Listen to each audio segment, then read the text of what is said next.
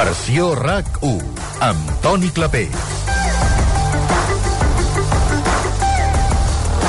Són les 5 de la tarda, 10 minuts. Les eleccions del 14 de febrer estan provocant, eh, ho explicàvem a la primera hora Míriam Díaz, eh, cada cop més oposició entre els components de les meses electorals. Més de 1.000 persones eh, que han estat convocades per formar, per formar part d'aquestes meses doncs eh, s'estan organitzant per Telegram per intentar no haver d'anar-hi. Demà faran arribar una carta al síndic de Greuges demanant-li en part perquè creuen que es vulnerarà el seu dret a la salut.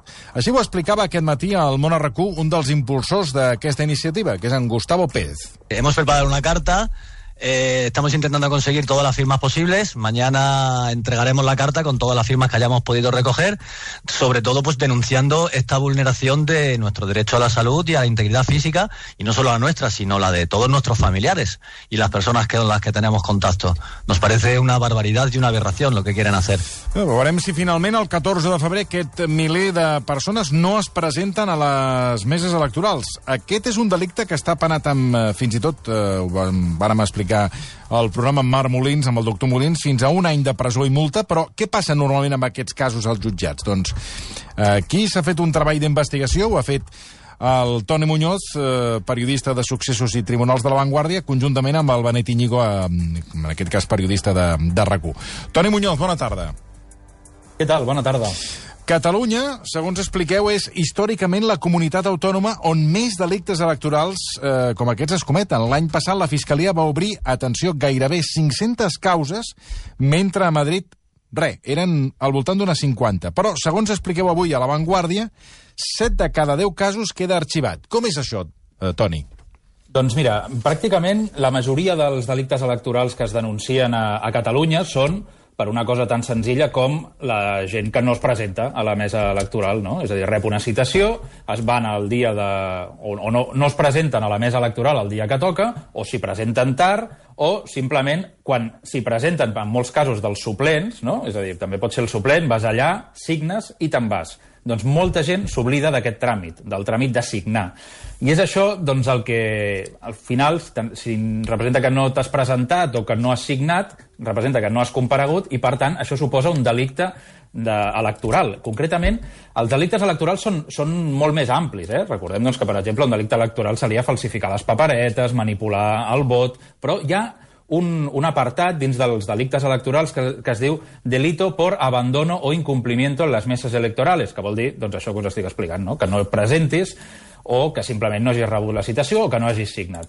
I tot això doncs, és el que al final eh, comporta el 99% dels casos. Ara bé, d'aquest 99% dels casos, que és per gent que no es presenta, el 70% acaben arxivats. Per què? Doncs perquè acaben convencent, ja sigui primer a la policia i després al jutge, doncs que no hi havia mala fe i doncs que moltes vegades doncs no, en fi, no, que no havies actuat de mala fe i que a vegades doncs, se t'havia extraviat, mhm. -huh. podríem dir, aquesta, aquesta citació judicial. -huh. um, podem escoltar alguns testimonis, no, uh, Toni? Sí, primer podem escoltar a l'especialista que, vam, que vam trucar amb el Benet Iñigo, que és l'Eduardo Cáliz, que és advocat, que ell ha portat uns quants casos de, de persones doncs, que han estat investigats per aquest delicte electoral, i ell ens explicava això, doncs, que al final no és que hi ha, no hi ha un criteri molt clar a l'hora de condemnar. Si la persona que va a declarar como testimoni diu que no le ha donat la carta o que no se'n recorda de si le ha donat la carta o no le ha donat la carta i l'investigat manté que aquesta carta no l'ha rebut, aquesta causa ha de ser absolutòria. Eh, per tant, Toni, si tu no reps la situació, ai, la citació, no la situació, la citació, aquest, eh, aquesta pot ser és dir, si no la reps, un bon argument per evitar una condemna, perquè, evidentment, eh, a vegades doncs, no, no, bon, no arriben aquestes cartes. T'ho pregunto perquè eh, l'altre dia vam parlar d'això amb el doctor en dret, Marc Molins, i ens deia que encara que no obris la porta, quan et porten el correu certificat, eh, segons el doctor Molins, eh, poden eh, sancionar i multar quan un no recull una citació d'aquestes oficials és que es fan les famoses comunicacions edictals. És, es fa un edicte, es penja amb un plafó d'un ens públic i es dona per notificat, perquè al cap i a la fi tots tenim obligació de tenir un domicili en el que puguem ser notificats i requerits. Per tant, en principi, no rebre la notificació podria ser una causa per, per evitar el retret, però en la, jurídicament el no notificar-se no és una garantia de que, no, de que no es pot generar responsabilitat ni tan sols penal. Amb el vostre reportatge, Toni, quines conclusions n'heu tret eh, d'aquesta gent que no rep o no li arriba o no ha signat? Doncs mira, les conclusions és que és un, un marc bastant obert, saps? I que tot depèn del jutge que et trobis al davant. És a dir, Clar. si tu ets capaç de demostrar doncs, que realment no vas rebre aquesta citació, que la teva parella la va rebre, la va llançar la, a les escombraries, o simplement doncs, que, en fi, has canviat de domicili i no se't va notificar bé, o doncs que, tot o això que el tens... perro, que el perro se t'ha comido la notificació. Eh, exacte, ¿no? o que el perro s'ha comido la, la citació, mm. doncs també podria ser una excusa. Tot depèn de quines ganes tingui el jutge de, de condemnar. S'ha de dir que aquest delicte, el delicte electoral, no és un delicte que està contemplat en el Codi Penal, sinó que té una llei especial, que és la llei, doncs, de, de la llei electoral, que és aquí on es contempla. Hi ha una sèrie de delictes en el marc espanyol doncs, que que funcionen d'aquesta manera, que estan fora del, del Codi Penal. Aquest és un. També, per exemple, el, el de la llei del jurat, no? quan tu reps una notificació i et diu has d'anar per formar part d'un jurat, eh, és a dir, estàs obligat, si no hi vas doncs també pot ser sancionat, i en aquest cas, com explicaves abans, doncs aquest, eh, aquest tipus de delictes es castiga amb una pena de 3 mesos a un any de presó o una multa de 6 a 24 mesos. Quan diuen de 6 a 24 mesos, se t'assigna, diguéssim, una multa diària durant 6 mesos, durant 24 mesos, i depenent de quina sigui la teva capacitat eh, econòmica. Nosaltres hem parlat, en, en aquest reportatge que hem fet juntament amb el, amb el Benet Iñigo, doncs amb diverses persones. Jo, per exemple, em vaig trobar una persona, no? l'Alan Roman, que tenia 19 anys, l'any 2017, ell va sortir de treballar del Leroy Merlin, era un dimecres, recordem que les últimes eleccions al Parlament van ser un dijous, doncs ell va sortir a treballar del l'heroi Merlin, se'n va anar cap a casa, sabia, havia rebut la notificació i es va dormir. L'endemà havia d'anar a, a la mesa electoral, ell havia estat designat com a president suplent, però es va presentar a dos quarts de deu, una hora i mitja tard. Quan va arribar allà, ja li van dir que no podia signar ni, ni res, que les actes ja s'havien fet i que, per tant, doncs a rebre la multa no va rebre una multa, sinó que el que va rebre va ser una citació judicial. Totes aquestes persones que no es presentin a les meses electorals rebran una citació judicial i aleshores, primer, han de declarar davant de la Policia Nacional, que és l'encarregada de portar aquest tema, aquests temes de delictes electorals, i després, un cop fan aquest primer filtratge, cribatge, la Policia Nacional decidirà doncs, si t'envia a judici o no, o si ja s'arxiva la causa. Tu fas una declaració davant del jutge, eh, el jutge també diu si segueix o no la causa, i després, en cas que seguís, com és en el cas d'aquest Alan, doncs va haver d'anar a judici a l'Audiència de Barcelona i al final ell va dir, va acceptar, ell en tot moment va dir sí, sí, jo és a dir, no va intentar defensar-se ni posar-se excuses, sinó que va dir, doncs sí, em vaig a dormir, no ho vaig fer amb mala fe i tal. Al final va pactar, la majoria de les condemnes que hi ha per delictes electorals s'arriba a un pacte amb la Fiscalia, no s'arriba a celebrar un judici, i eh, doncs al final li van imposar una pena de 600 euros, que era una multa, però, això sí, deixa rastre aquesta, aquest delicte i acabes eh, tenint uns antecedents penals durant 3 anys. Què vol dir això? Doncs que si en aquests 3 anys tu comets un altre delicte, se t'acumularia i aleshores, doncs, depèn del delicte que hagis comès, encara que sigui lleu, doncs pot, pot portar bastants problemes i pot ser fins i tot que acabis eh, entrant a la presó. Per tant, vull dir, poca, poca broma amb això. Suposo que no hi ha cap precedent d'aquesta mobilització a través de Telegram, de tot aquest seguit de gent que li ha tocat eh, assistir a meses electorals. Concretament, ara em deia Míriam Díaz eh, que l'acumulat de gent són 1.900 persones que es volen dirigir al síndic de Greges. La pregunta és si, si ara que van totes juntes, si ho tindran més complicat perquè s'arxivi el seu cas o, o és a dir, per, per no presentar-se al dia de les eleccions. Aviam, s'ha de dir que, clar, estem en un context diferent de pandèmia que no s'havia donat mai, però tot i això nosaltres hem fet la consulta a la Fiscalia perquè al final totes aquestes denúncies que s'interposen d'ofici, no? quan tu no, no acudeixes a una mesa electoral, això va directament a la taula de la, de la Fiscalia, doncs eh, la Fiscalia ens va dir que, mm, en fi, ara mateix no han rebut cap mena d'instrucció, que se seguiran regint pel principi de legalitat, que és el que sempre fan, i que miraran cas per cas. Això què vol dir? Doncs que per molt que siguin 1.000 o 1.200, eh, miraran cada cas. Si tenen una excusa prou justificable, doncs, eh, en fi, quedarà arxivat, i si no, doncs eh, el seu procediment judicial seguirà. S'ha de dir doncs, que totes aquestes persones que han, estat, que han estat designades per eh, haver d'anar a una mesa electoral han de mirar abans, fins al dia 5 de febrer, em sembla que tenen temps per presentar sí. al·legacions i les excuses, doncs el llistat per a veure si compleixen algun dels requeriments, perquè si tu tens una malaltia crònica, tens eh, algun tipus de malaltia o algun tipus de... En fi, Bueno, aquí hi de- ha, hi ha una qüestió que, cosa, que ha no? generat... D'excusa. Aquí hi ha una qüestió que ha generat molta incertesa en molts casos, que és... Eh, en molts casos, ho dic perquè fins i tot aquí al programa n'hem parlat d'un parell d'ells, amb testimonis, i és gent eh, que, que, que en aquest cas tenen a, a la seva llar, conviuen amb gent de risc, és a dir, gent, eh, gent gran, 88, eh, 90, i el, la por que tenen és que a l'haver d'anar a la mesa, vagin a la mesa, és una jornada llarga, estan a la mesa, tot i les mesures, doncs hi ha la por, amb la, contra la por no hi pots fer res, Sí, sí. i la por és de contagiar-se i de passar aquest contagi, perquè com que es fa la convivència amb aquestes persones de risc, doncs eh, es passa. I eh, amb això avui en dia la llei doncs, eh, diu que hi has d'anar. Uh, clar, això és el que genera uh, en, aquest, en aquest perfil també, clar, també es- estan indefensos perquè la llei no, no t'eximeix de no anar-hi, no? Clar, no, no, tu estàs obligat a complir amb, amb, Clar. amb, el, amb la designació Sí, sí. que t'ha tocat i, i, i ja està, no? El que sí que és veritat que a les persones... Clar, aquí és el matís, no? És a dir, una persona que conviu amb una persona de risc no entraria dins d'aquest d'aquestes uh, llistat d'excuses, però si tu realment ets una persona de risc, sí que estàs excusat. De fet, les persones que tenen de 70 cap amunt eh, estan excusats, vull dir, poden, encara que els hagin designat, ja poden dir doncs, que ells no hi aniran, que tenen l'excusa, que són persones grans, Clar, i per tant ja però- poden al·legar. Les de 65 també, si ho aleguen, tenen bastantes probabilitats de que se'ls accepti. Sí, però aquí estem parlant de gent que en té Clar. menys i que conviuen amb persones de risc. Aquest, el, aquest, és, el, en fi, aquest és el kit de la Sí, qüestió. sí. Uh, també vareu parlar amb un estudiant uh, que Sí. també uh, no va anar a la mesa electoral. Curiós. Sí, aquest cas és curiós perquè aquest era un noi de, que acabava de fer els 18 anys, eren les seves primeres eleccions, i ell mateix ens admet doncs, que va rebre una citació que no sabia ni què era, ho va llançar directament a les escombraries, sense... Diu, estava fent la selectivitat, estava molt atabalat, no sabia de què anava... Sí, va, va, va dir paperassa, mira, a la paperera. Exacte. I en cap moment va pensar que, clar, les seves primeres eleccions, doncs ell eh, ja l'havien designat com a, em sembla que era vocal eh, suplent. Doncs el que va passar és que, òbviament, va...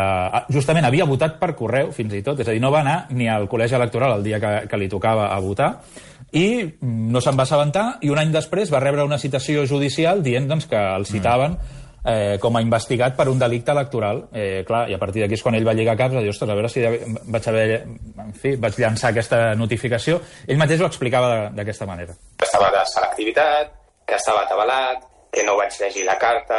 Vaig presentar un informe perquè jo quan tenia 12 anys em van diagnosticar lateralitat creuada. No és com una dislèxia, però com que em costa concentrar-me també. I això ho vam presentar, va marxar de la sala i tornava a dir sobreseguimiento, te puedes ir. Clar, no. en aquest cas sí que, en fi, diu que va tenir una...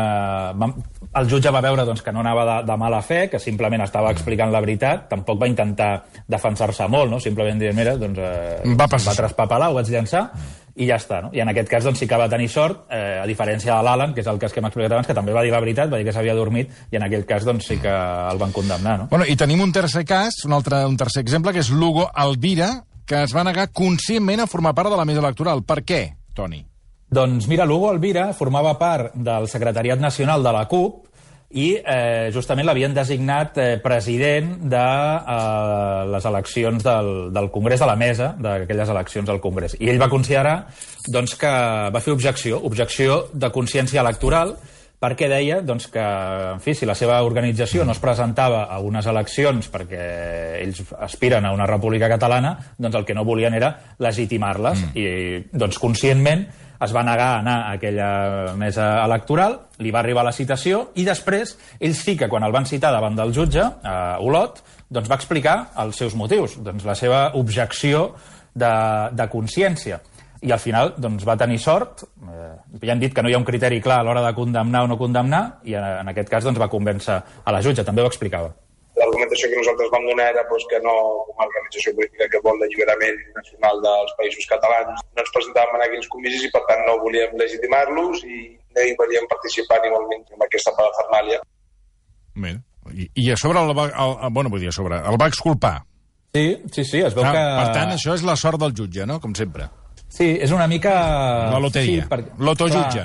Aviam, s'ha de dir una cosa, és a dir, realment, aquests, aquests judicis amb, el, amb els jutges els hi fan molta mandra, perquè són uns, de, són uns delictes molt lleus mm.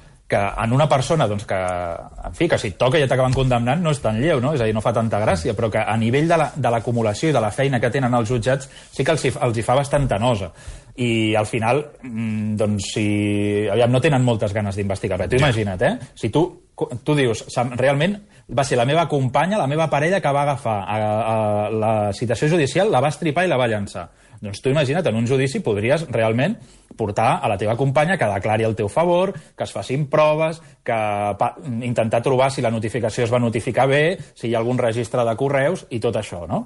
I clar, això realment fa engruixir encara més tot aquest volum de feina que ja tenen els jutjats. Per tant, vull dir, no els hi fa gaire gràcia als jutges haver de jutjar tot això. A part es fa a l'audiència, a les audiències provincials, que són, eh, en fi, eh, tribunals que porten coses eh, molt greus, i, i per això depèn moltíssim del jutge que et toca i de les ganes que tinguis realment de, de condemnar-te. En aquest cas, a, a, l'Hugo Alvira, aquest noi de la CUP, doncs ens explicava això, que al final eh, la pròpia jutgessa que es va trobar a la declaració no sabia ni que existia l'objecció de consciència electoral i que, en fi, doncs li va dir, ah, doncs no sabia que existia aquest motiu i tal, i es veu que en, en el seu auto en el qual va arxivar doncs, el, aquest cas va deixar constància de que, en fi, al final que aquest noi no fes ob- objecció de consciència no va impedir que se celebressin les eleccions i que es pogués votar normalment en el col·legi on havia estat designat. I, per tant, doncs per això va, va arxivar el cas. Doncs molt interessant eh, aquest eh, reportatge que heu fet, eh, en aquest cas compartit, eh, compartint mitjans, tant La Vanguardia com RAC1, amb el Benet Iñigo i el, i el Toni Muñoz, eh, l'enhorabona, i en fi, veurem què passa amb aquestes 1.900 persones, eh, no sé, eh, realment dona, dona per pensar... Els... 1901. Que yo también me acabo de apuntar. Sí, però tu no has rebut cap notificació. Por si acaso. No, però per si acaso no. O sigui, si reps la notificació, sí, si no, no té cap sentit aquí afegir-se. Bueno, yo me he segons que- apuntado. Va. Bueno, canviem radicalment de, de qüestió. Mm, Anem en coses molt més delicades. Toni, parlem de la detenció que, que aquesta mateixa, aquest cap de setmana, bàsicament, d'un agressor sexual que hauria pogut atacar a cinc dones en les darreres setmanes a diverses zones de Barcelona.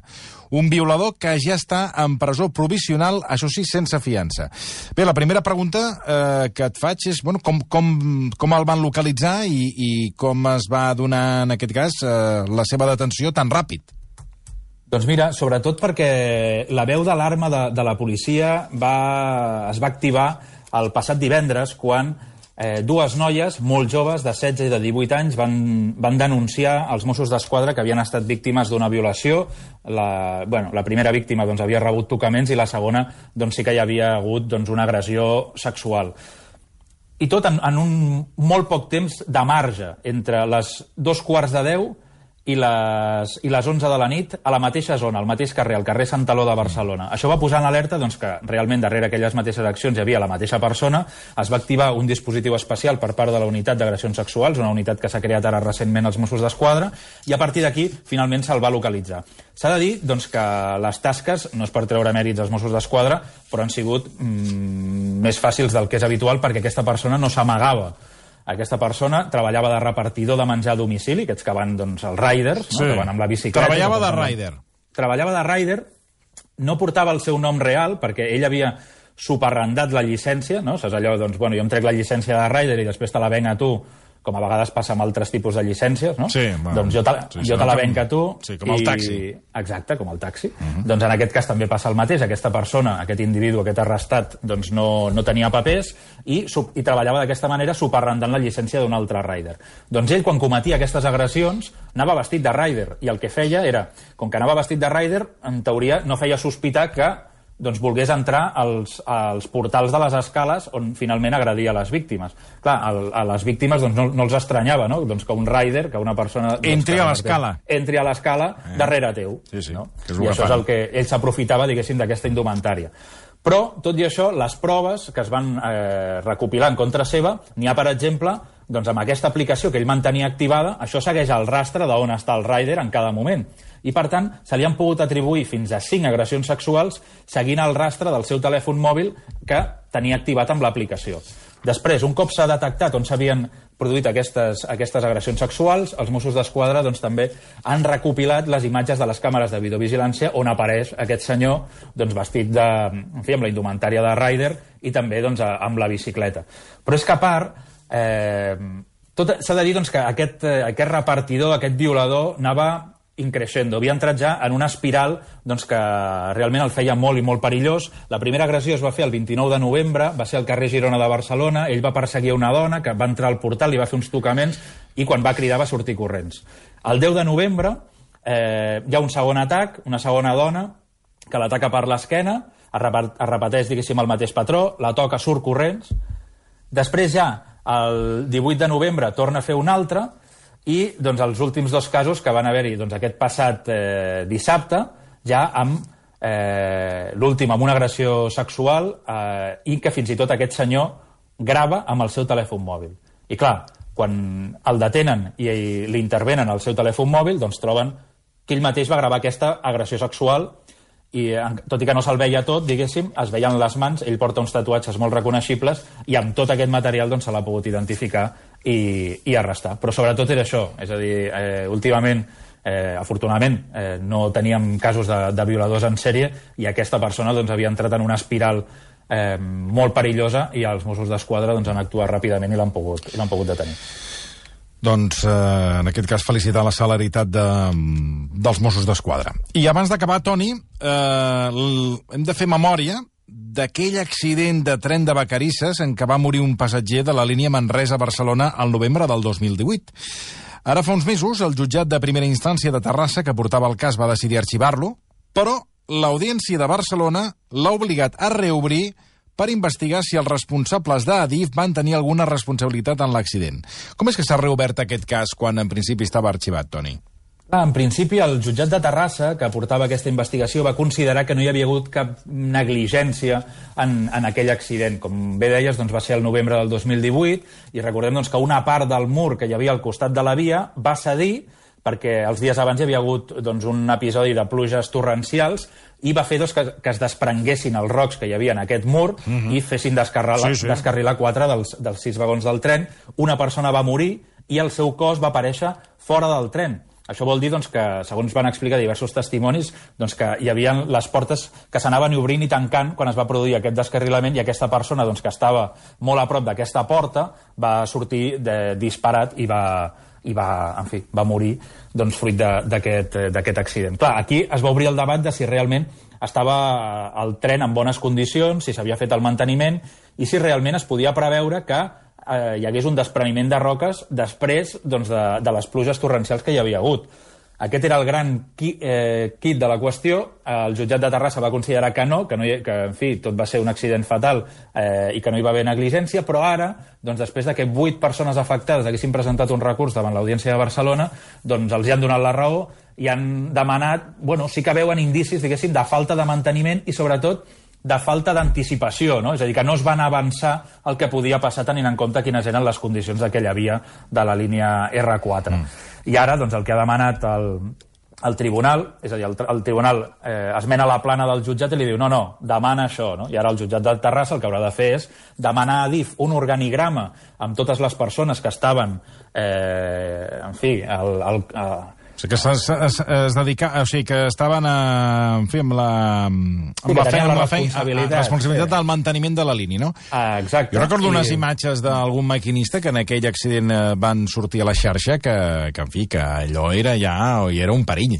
És a dir, que, que la, la queixa, i si més no el que se subratllava és que no hi havia, no, no s'havia fet el manteniment adequat en aquell, Clar. en aquell tram. I d'aquí va haver un desprendiment i, es va, provocar, i va, i va provocar el, el descarrilament. Em, so, em sobta que el jutge o la jutgessa, allò que dèiem, el criteri de cada jutge o jutgessa, no? doncs no ho veiés, això, o no ho volgués veure. En fi. Sí, de fet, ara, clar, el que diu eh, exactament a l'auto que ha dictat l'Audiència de Barcelona, diu que hi podia haver falta de cuidado, eh? és a dir, Sí, aquesta sí. falta de cura en els sistemes del control de- d'aquesta infraestructura i manca, diguéssim, de previsió a l'hora de- de- de- d'avançar-se, no? en què, quina podia ser doncs, el desenllaç després de- d'aquelles pluges torrencials. Sí, sí, falta de cuidado, eh? però la gent que va morir, doncs, eh, explica'ls que hi havia falta de cuidado. En fi, sí, sí. Eh, Toni Muñoz, moltíssimes gràcies. A vosaltres. Una abraçada. Cuida. Una abraçada. Adéu-siau.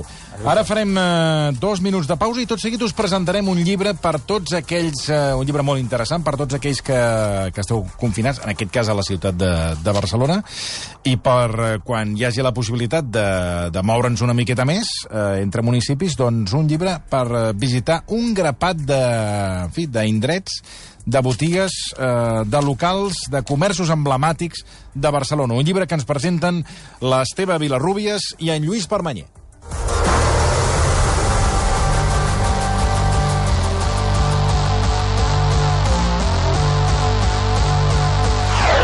Versió RAC 1.